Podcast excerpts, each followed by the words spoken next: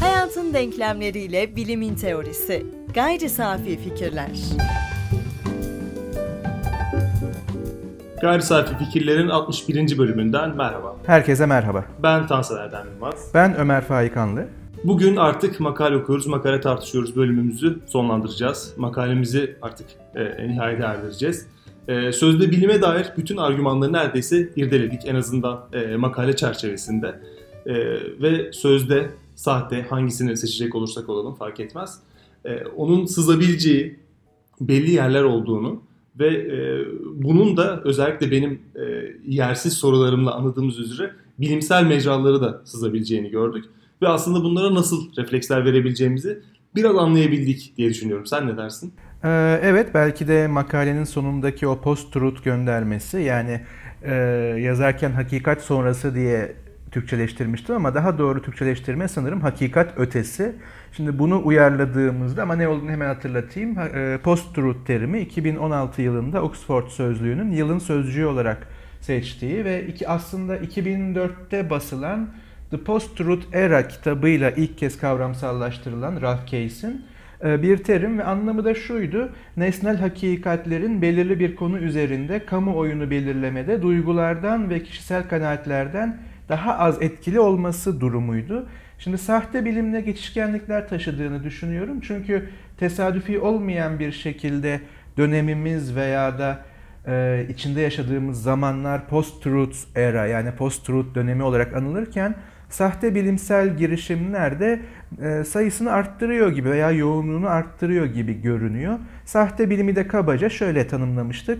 Bilimmiş gibi yapıp bilimin genel yöntemini veya onu e, ayrıcalıklı kılan bilgi e, temelini veya da epistemolojik temeli paylaşmayan çalışmalar aslında hiç kullanılmadı sanırım ama post science denilebilir mi bunlara? Yani bilim ötesi, süper bilim gibi bir şey. O kadar bilimseliz ki bilimden daha bilimseliz yani bizi dinleyin. Ama ortada bilimsel kanıtlar var mı veya epistemolojik temeliniz ne kadar sağlam? Orayı da çok karıştırma. Sen belirli e, grupların sözcüsü müsün gibi işin duygusal boyutuna yani post-truth'taki gibi nesnel hakikatler kanıtlanabilirlik değil de duygusal tatminler veya da duygusal beklentiler üzerinden bir söylem yaratmaya, bir dünya yaratmaya girişen bir e, eylem veya girişim diyelim. Ama e, belki o ünlü popüler filmde biraz uyarlama yaparsak gel gelelim ki beklentiler dünyasında yaşamıyoruz. Gerçek dünyada yaşıyoruz ve gerçek dünya bize yanıt veriyor bilgi girişimlerimize. Şimdi acaba bu masa başında bizim biraz abarttığımız bir şey mi diyelim? Şimdi bazı tweetler okuyacağım tabii Türkçesiyle. Acaba bunun içine sızmış e, post-truth yani hakikat ötesi iddialar veya post-science veya da sahte bilim iddiaları var mı? Ve bu ne kadar ciddi almamız gereken tweetler yani sosyal medyayı fazla mı ciddiye alıyoruz? Şöyle diyor tweetin sahibi, küresel ısınma konsepti Çinliler tarafından Amerika Birleşik Devletleri'ndeki imalatı rekabetçi olmayan bir hale getirmek için yaratılmıştır. İkinci bir tweette şunu söylüyor. Texas ve Louisiana'da kar yağıyor.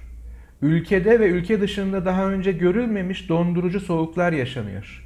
Küresel ısınma pahalı bir aldatmacadır. Geçen programları ve makalenin başını hatırlayalım. Bu bir palavradır, avcı palavrasıdır diyor bu şahıs. Üçüncü tweet, bize çok pahalıya gelen küresel ısınma saçmalığı sona erdirilmelidir. Gezegenimiz donuyor. Düşük hava sıcaklıkları kaydediliyor ve küresel ısınma bilim insanları buzun içine sıkışmış durumda. Dikkat edersek bir bilim insanları var. Bu tweetin sahibine göre gerçek bilim insanları. Bir de küresel ısınma bilim insanları var. Bunlar şarlatanlar. Ve bunlar şarlatanlıkları içerisinde buzun içine sıkıştılar. Çünkü bu bir saçmalık. Gerçekten küresel ısınma bilim insanları ve diğer bilim insanları diye bir ayrım var mı? Eskiden bizim bu şehirler arası otobüs firmalarında olduğu gibi bilim, öz bilim, öz hakiki bilim gibi bir şey var mı? Ve bu iddiada bulunanlar yani sahte bilimsel iddialar esasında neden bu öz hakiki en çok bilim biziz diyorlar, deme ihtiyacı duyuyorlar da Bu da benim fikrim veya da bu benim söylemim veya bu benim inancım demekle yetinmiyorlar. Bu üç tweet Amerika Birleşik Devletleri Başkanı olmadan önce ama başkanlık kampanyası sırasında Donald Trump'a ait ve bildiğimiz kadarıyla yani kendi e, beyanlarından anladığımız ve takip ettiğimiz kadarıyla halen de küresel ısınmanın bir saçmalık olduğunu, bir aldatmacı olduğunu söylüyor. Oysa ki bu alanda çalışan bilim insanları topluluğunun %99,9'u 9'u küresel ısınmanın artık bir vaka, bir olgu olduğunu, tartışılabilir bir şeyinin kalmadığını söylüyorlar. Geri kalan o %0.1'de küresel ısınma yoktur demiyor. Onlar küresel ısınmada insan etkisinin oranı konusunda bazı e, şüpheleri var ne kadar olduğuna dair. Yani onlar da küresel ısınma yoktur demiyor. Ve e, atmosferimizin veya meteorolojik yapının kendini nasıl toparlayacağı ve bunun bize etkileri konusunda bazı ihtilaflar var. Bunlar da doğal olarak bilime içkin olan araştırılan konular. Dolayısıyla bir bilim topluluğu yani meşru bilim topluluğu bir şeye var diyor ve bunu kanıtlarıyla ortaya koyuyor ve bu konu üzerinde kanıtlara dayalı bir mutabakat söz konusu. Fakat karşı tarafta politik bir güç hem de dünyanın tepesinde o söylem içerisinde özgür dünyanın lideri olarak anılan Amerika Birleşik Devletleri Başkanı bu yoktur diyor. Şimdi post-truth böyle bir şey. Hangisi doğru sorusu hatırlayacağımız üzere temsiller söz konusu olduğunda alternatif açığa çıktığı anda epistemolojik bir soru ortaya çıkar. Hangisi doğru? Peki hangisi doğru sorusunu hangi temelde cevaplayacağız? Aslında politik güç burada o e, sahte bilim ve sözde bilimin duygusal kuvvetiyle birleşiyor. Ben de daha önce bahsetmiştim. Aslında e, sahte bilimsel argümanların e, duygusal olarak insanları tatmin ediyor olması ve onları bilginin kendisinden daha heyecanlı bir şekilde hitap ediyor olması e, ona getirdiği kuvvetle ilgili biraz. Bunu bir de popülizmle ve politik popülizmle birleştirdiğimizde bence bu bilgiden daha kuvvetli bir yere gidiyor. En azından Trump'ın e, hitap ettiği kitle ve e, belki de modern e, politik atmosfere baktığımızda bu tip argümanlar dünyanın her yerinde işliyor. Sadece Trump'ın argümanları değil, buna verilecek belki onlarca örnek var. Aslında kuvvetli de bir argüman, işe yarayan bir argüman. Tıpkı biz teknolojiyi, bilimin belki de insanların işe yarayacak haline tahvili gibi basitçe özetleyecek olursak bu da tıpkı teknoloji gibi bilimsel argümanları e, biraz eğip bükerek kendi işine yarayacak hatta insanları da biraz mutlu edecek hale evirmesi olarak görebiliriz. Aslında burada e, psikolojik ve bilim sosyolojisini de ilgilendiren bir soru sorabiliriz. Neden sahte bilimsel iddialar e, bir popülizm yaratıyor veya da popülerleşebiliyor? Yani insanlar onda ne buluyor veya neden bu kadar mutlu oluyor? Yani e, tabii ki beklentiler ve iyi haber duyma ihtiyacı olabilir bunda. Ama mesela insanlar küresel ısınmanın olmadığına inanmayı tercih edebiliyorlar. Ama burada sadece birinin çıkıp küresel ısınma yoktur demesi yetmiyor. Diğer tarafın şarlatanlıkla suçlanması, bilim dışılıkla suçlanması ve küresel ısınma yoktur diyenin esasında bilimin kendisi olduğunun da iddia edilmesi gerekiyor. Yani herhangi bir lider çıkıp da küresel ısınma yoktur deyince toplu olarak mutluluk e, dünyalarına dalmıyoruz. Ama o lider çıkıp da işte sahte bilimin tehlikesi bu zaten. Bilimsel olarak da yok. Bizi kandırmaya çalışıyorlar. Bunlar sahte bilim insanları. Bunlar şarlatan dediği zaman yani bilimin karşıtlarına uygulanan veya göndermesi olan terimleri bizzat bilime yönelttiğinde, kendini bilimmiş gibi gösterdiğinde popülerlik oranı artıyor. Bunu ülkemizden de örnekleyebiliriz. Yani bir tarafta tüm insanlık e, alemini ilgilendiren bir vaka, küresel ısınma ve bunun tartışması var. Evet. Ama e, kategori olarak ondan da farklı olmayan mesela bizim de birkaç kez Doktor X olarak gönderme yaptığımız e, belli bir tür tuzu yiyin hiçbir şey olmaz iddiası. Mesela ben bir konuşmam sırasında bunu örneklediğimde ve hiç içeriye girmedim. Yani böyle bir e, söylem var ama geri kalan tıp dünyası yani bilim dünyası buna şiddetle karşı çıkıyor. E burada yine hangisi sorusu devreye girecektir ve ben tüketici olarak hem bunun bilgi tüketicisi olarak hem de o mamullerin tüketicisi olarak hangisi diye sormak zorundayım dediğimde mesela dinleyicilerden biri hafif de böyle kibirle Ama kaya tuzunu söylüyor sadece. Belli bir tuz. Hatta biraz daha biz onunla polemiğe girsek Latince ismini bile söyleyecektim ki ne olacaktı? Benim aradığım kanıt şu. Neden tüm tuzlar sodyum temel maddesinden veya elementinden e, yapıl yani var olmuşken ve bunun da tansiyonla ilişkisinin çok da hoş olmadığı, yükseltici etkisi olduğu bilinirken onda ne fark var ki etkisi yok. Sadece bunun kanıtını ve bununla ilgili yapılmış çalışmaları görmek istiyorum. Yani bu da hani bana göstermek zorundasın değil. Çünkü tüketici olarak bunu sormak zorundayım. Hayatımı veya da sağlığımı emanet edeceğim bir alanda bana bunu kanıtla veya da rasyonel olarak bunu kanıtlayabilir misin diye sorma hakkım olmalı. Oysa ki bir doktor özellikle televizyon programlarında bizim karşımıza çıkıp da bu tuzu bol bol tüketin diyebilirse veya son söylediği şey doğal olan her şeyi doyuncaya kadar yiyin hiçbir şey olmaz diyorsa ki geçen gün Twitter'da bunun çok güzel bir örneğini gördüm. Bizim alanımızla da doğrudan ilişkili. Mesela baldıran otu da baldıran zehiri de doğaldır. Sokrates'in nasıl idam edildiğine bir bakın isterseniz. Doğal olan her şeyi yiyin, hiçbir şey olmaz. Acaba geçerli mi? Doğala yönelim safsatası olarak geçiyor zaten bu yaygın literatürde. Ee, bir ilaç varsa o ilacın ham maddesi olan, o ilacın üretildiği madde olan e, o ağacı ya da o bitkiyi tüketmenin aslında şeye endüstriye fayda sağlamadan kendi kendimizi tedavi edebileceğimizi gösteriyor.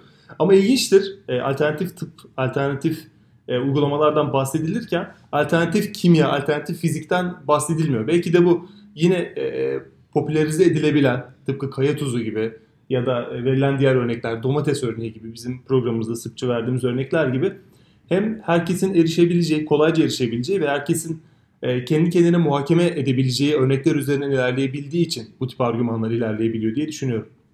Evet işte sorun da o zaten. Bu popülerliği yaratırken hani popülizmin incelenmesi sosyolojik bir inceleme konusudur. Yani işi bilimsel olarak veya da bilgiye tahvil edecek şekilde araştırmak istersek. Ama benim sorum şu, kendi içimde sorduğum soru. Ee, bilimi buraya bir sos olarak kullandığımızda, bilimmiş gibi yaptığımızda bir de beklentilerle örtüştüğümüzde neden popülerlik artıyor? Ve e, daha acı reçeteler öneren ama gerçeği söyleyen gerçek bilim, yani bu bile acı bir şey. Gerçek bilim ve bilim gibi ayırma e, ihtiyacı bu dönemde. E, yani sadece sizin beklentilerinizle uymadığı için şüphe yaratıyor. Hani bu hakikaten psikolojik bir durum gibi görünüyor. Ama bunun belki post-truth'la ilgili hani makaleyi sonlandırdık ama ben o makaleye mesela başka bir pasaj ekleyebilirim. Yani şöyle bir şey vakti zamanında da yazmıştım. Bu makalenin devamı da olabilir. Biraz e, oraya bağlı olarak onu e, ifade etmek istiyorum. İki şehrin hikayesi Charles Dickens'ın 1789 sonrası dönemi betimlediği muhteşem bir pasajla başlar. Her şeyin ve hiçbir şeyin kıyısında bulunan insanlık için 1800'ler aynı anda zamanların en iyisi, zamanların en kötüsü. Işık mevsimi, karanlık mevsimi umut baharı, üzüntü kışı olarak nitelendirilebiliyordu. Aynı dönemi bu kez de bir romancıdan değil de bir tarihçiden dinlersek, 1700'lerin sonunu insanlık için açığa çıkan müthiş bir değişimin şafağı olarak görürüz. Bu yıllar Fransız devriminin tarihini Avrupa'nın tarihine dönüş Avrupa'nın tarihine dönüştüren yıllardır. Eric Hobsbawm işte bu tarihçimiz Fransız devrimine dair müthiş analizinin en vurucu cümlelerinden birisidir bu. Fransız devriminin tarihi Avrupa'nın tarihine dönüşmüştür. Bu ilerlemenin tarihidir.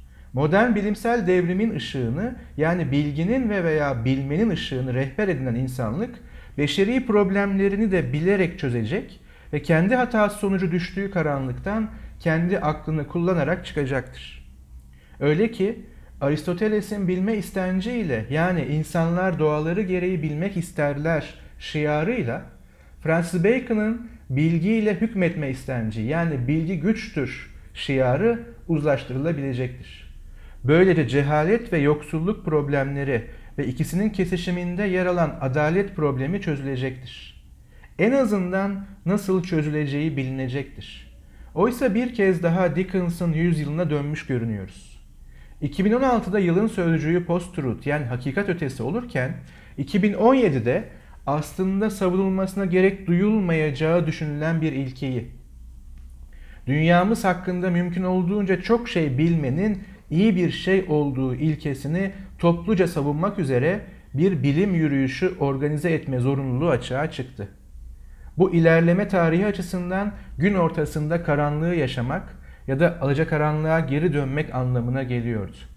Bu bilim yürüyüşü 2017 yılında Amerika Birleşik Devletleri'nde önde gelen bilim insanlarının eş zamanlı olarak birkaç şehirde yapmak zorunda kaldığı bir şeydi.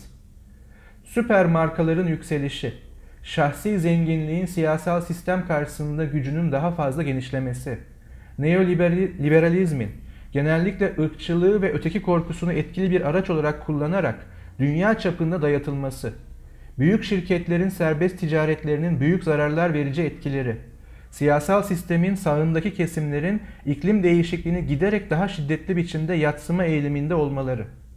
Bu tespite katılan herkesin aklına gelecek ünlü soru ne yapmalı sorusudur. Fakat bu soruya bir yanıt isteniyorsa ve yanıtlar arasında bir fark olduğu veya olacağı düşünülüyorsa problem veya problemler bir kez daha hakikat probleminin çözümüne bağlı olacaktır. Elbette ki fikirler bilmenin ve hakikatin de yolunu açarlar. Fakat hakikat ile ilişkileri olmadan fikirler kıyaslanamaz ya da karşılaştırılamazlar. O zaman da cehalet bir başka fikirmiş gibi görünür ve her şeye felsefe denmeye başlanır. Oysa felsefe her şey değil, yalnızca bir şeydir ve önemli bir şeydir. Ne işe yarar sorusu kötü bir soru değildir ve hemen kapitalizm eleştirisi yapmayı gerektirmez. Oysa kısa vadede ne işe yarar sorusu kötü bir sorudur.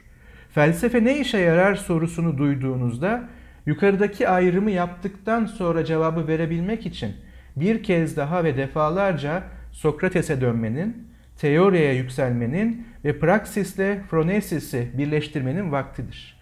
Ve günümüzde teoriya ve praksisin birleştiği yer ve ne yapmalı sorusunun cevabına biz bilimsellik diyoruz. Bu bir bilim fetişi değil ama bilimle sahte bilimi, hakikatle hakikat ötesini yani post-truth'u ayırmak hangi tuzu tüketeceğinizden tutun da bu gezegendeki varlığımızı bir yüzyıl daha sürdürüp sürdüremeyeceğimiz sorularının cevabını verecek. Tam da burada tamamlayıcı olarak makalenin son kısmında dinleyelim. Ardından dilersen bir toparlayalım. Tamam. Sahte, sözde bilim, kötü bilimi ve hatta bilim sahtekarlığını aşacak bir tehlike yaratmaktadır. James Lehrman'in ifadeleriyle sahte bilim yalandan farklı bir şeydir.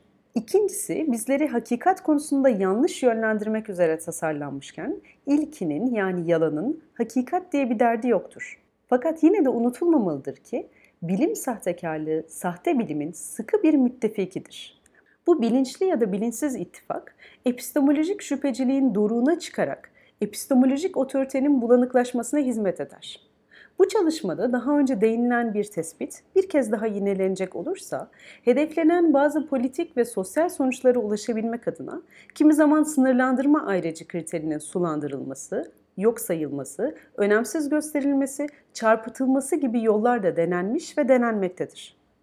Oxford Sözlüğü'nün 2016 yılının sözcüğü olarak post-truth yani hakikat sonrası sözcüğünü seçmiş olması bu bağlamda okunabilir.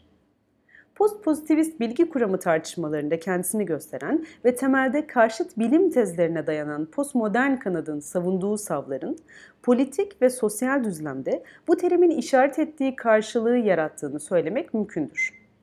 Gerçeğin üzerinin örtülmesi ve artık bu örtünün altında kalanların konu ve ilgi dışı kalması biçiminde özetlenebilecek bu karşılık, gerçekliğin kendisinin kamuoyunu şekillendirmekte duygular ve kişisel inançlara göre daha az etkili hale gelmesi anlamında taşımaktadır. Bu, bilimin imgesel otoritesinin korunduğu fakat bilimselliğin dert edilmediği bir dünyadır. Diğer bir deyişle sahte bilim, hakikat sonrası dünyanın bilimidir. Teknolojiye bağımlılık, teknobilimi hemen her politik proje için vazgeçilmez kılarken, bilimin temel araştırma ve düşünme biçimi vazgeçilebilir gibi görünmektedir. Bu vazgeçişin üzeri sıklıkla örtüldüğünden sahte bilim işlevsel bir amaç olarak kendisini göstermektedir. Bu nedenle günümüzde sahte bilim problemi hiç olmadığı denli ciddi bir problemdir. Çünkü sahte bilimin dayanağı olabilecek olan postmodernizmin ve postmodern bilgi kuramının önerdiği özgürlüğün Tam karşıtı olan köktenci dogmatik düşüncenin geri dönüşü için kapıları aşabileceği kaygısı artık salt bir kaygı olmaktan ötedir. Makalenin bu kısmından hemen önce Nusret Hızır'ın bir alıntısı var. Bu da e, aslında e, sahte bilimsel argümanların bize ya da insanların neden heyecanlı geldiğini ve bilginin e, nedense insanların ilgisini diğer e, bu sahte bilimsel argümanlar hakkında ilgisi neden çekmediğini e, çarpıcı bir şekilde gösteriyor. E, Nusret Hızır şöyle söylüyor. Bilim sistemli, çetin çalışmalarla uzun bir sabır ve katlanış sonunda kurulabilir. Bilim bu bakımdan insana çok kere sıkıcı gelir. Oysa bilim felsefesi şöyle üstün kör olmak koşuluyla tembel bir kafa tarafından da kavranabilir ve tembel kafa bir kere onu şöyle bir kavradıktan sonra daha ötesine gitmez ve büyük hakikatlere eriştiğini sanarak defne dalları üzerinde zafer uykusuna yatar. Hatta o kadarla da kalmaz, bilime saldırmaya koyulur. Bilginin relativiteden söz ettiğini görünce filozof, relativizme geçiyor ve her şey görelidir gibi bir iddiayı ortaya atıyor. Başka deyimle relativite onun elinde relativizm oluyor. Bunun gibi bilginin beliti, aksiyom, filozofta pekin sarsılmaz bilgi ya da aksine yapıntı oluyor. Varsayımsa yine günlük anlamda bir faraziye, faraziye haline geliyor. Tabiidir ki böyle olunca ortaya atılan felsefenin o felsefeye vesile olan bilimle gerçek bilgisi kalmaz ve o bilim üzerine toplu ve tutarlı bir bilgi vereceği yerde onun bozuk bir imajını verir. Burada aslında bilim felsefesini e, anlamak da yeterli olmuyor. Çünkü bilim felsefesinin e, temel tezlerini ve aradığımız şeyi bilerek ona baktığımızda da bir yere erişemeyebiliriz. E, derinlikli bir çalışma gerekiyor. Bu da e, bilimin sıkıcı gelmesi gibi üst katmanlarında kaldığımız sürece o bizi sıkıcı ve belki de e, anlamsız gelebiliyor. Sahte bilimsel argümanlar bize her şeyi net bir şekilde sunabiliyor. E, emek harcamamıza gerek kalmıyor. Bilim felsefesi bunu anlayabilmemiz için bir yol yani sahte bilimle e, bilimsel olanı, bilim olanı ayırabilmemiz için bize bir sınırlandırma ayrıcı sunuyor. Fakat onu da iyice etüt etmediğimiz sürece, daha doğrusu onu anlamak için çaba göstermediğimiz sürece, ona tıpkı sahte bilimsel bir argümana yaklaşır gibi birkaç sayfa okuyayım, ben bunu anlarım e, ya da şöyle YouTube'dan bir bakayım, e, sahte bilim yazayım, karşıma çıkan ilk videoyu izleyeyim diye baktığımızda o da bize çok fazla katkıda bulunmuyor. Hatta izlediğimiz şeyden sonra e, sahte bilimsel ya da sözlü bilimsel argümana daha da sıkı sıkıya bağlanabiliriz gibi geliyor. Ee, tabii Nusret Hızır'ın oradaki vurgusu özellikle son cümlelerde üstün körü bir imajla yetinmek. Yani üstün körü bir felsefe de zararlı olabilir. Yani bir şey yapmaya değerse iyi yapmaya da değer. Felsefeye veya bilim felsefesine ilginiz varsa bu da meşakkatli ve zor bir yol ama bunun da hakkını vererek ilgilenmekte fayda var. Bu illaki işin profesyoneli olmak veya da tüm yaşamını buraya vakfetmek anlamına gelmiyor. Ama tam da dediğin gibi üstün körü bir sayfa okuyup biliyor gibi düşünmektense onun üzerine sadece bir sayfa okumuştum çok da bilgim yok noktasından yola çıkmak her zaman için evladır, daha iyidir. Bu anlamda ee, yine aynı hataya düşmeyelim veya sürekli tekrar eden bir kısır döngüye sokmayalım diye hani buna da artık sahte bilim felsefesi, sözde bilim felsefesi demeyelim. Yüzeysel bilim felsefesi veya yüzeysel felsefe diyelim. Ve benim biraz önce dillendirdiğim gibi bunun tersi de e, yani yüzeysel bir felsefeden e, uzaklaştıkça varacağımız yer çok derin bir felsefe olmayabilir. Bir de ters tarafa savrulabiliriz. Orada da sanki felsefe her şeymiş gibi davranabiliriz. Yani iki tarafta da olmadan bu işi kotarabilmek mümkün.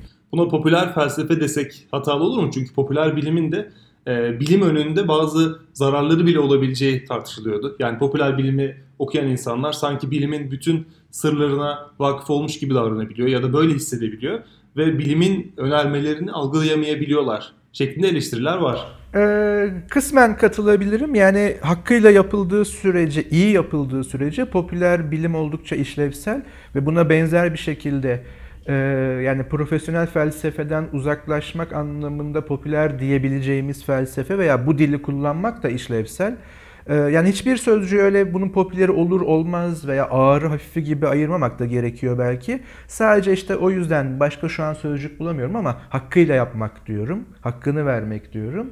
Yani işte yeterli ilginiz ve yeterli öz bilinciniz oluşmuşsa hemen bir sayfadan bilgiye biliyorum iddiasına veya kavradım iddiasına sıçramıyorsanız okuduğunuz veya da muhatap olduğunuz metnin derinliği çok da önemli değil. Bir yerlerden başlamak lazım.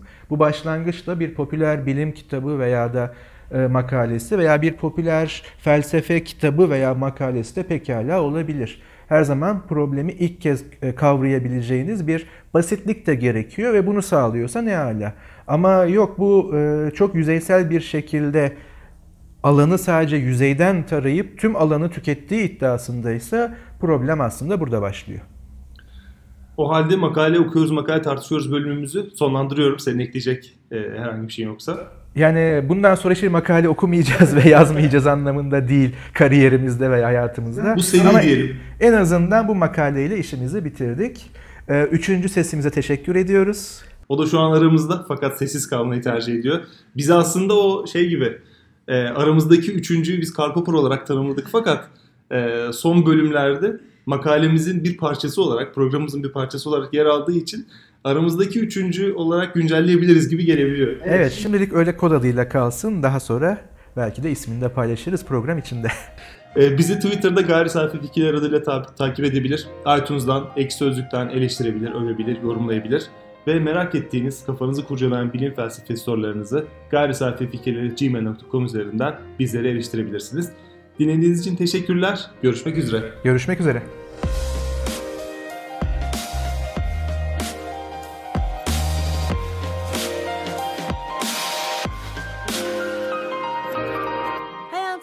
Denklemleriyle bilimin teorisi.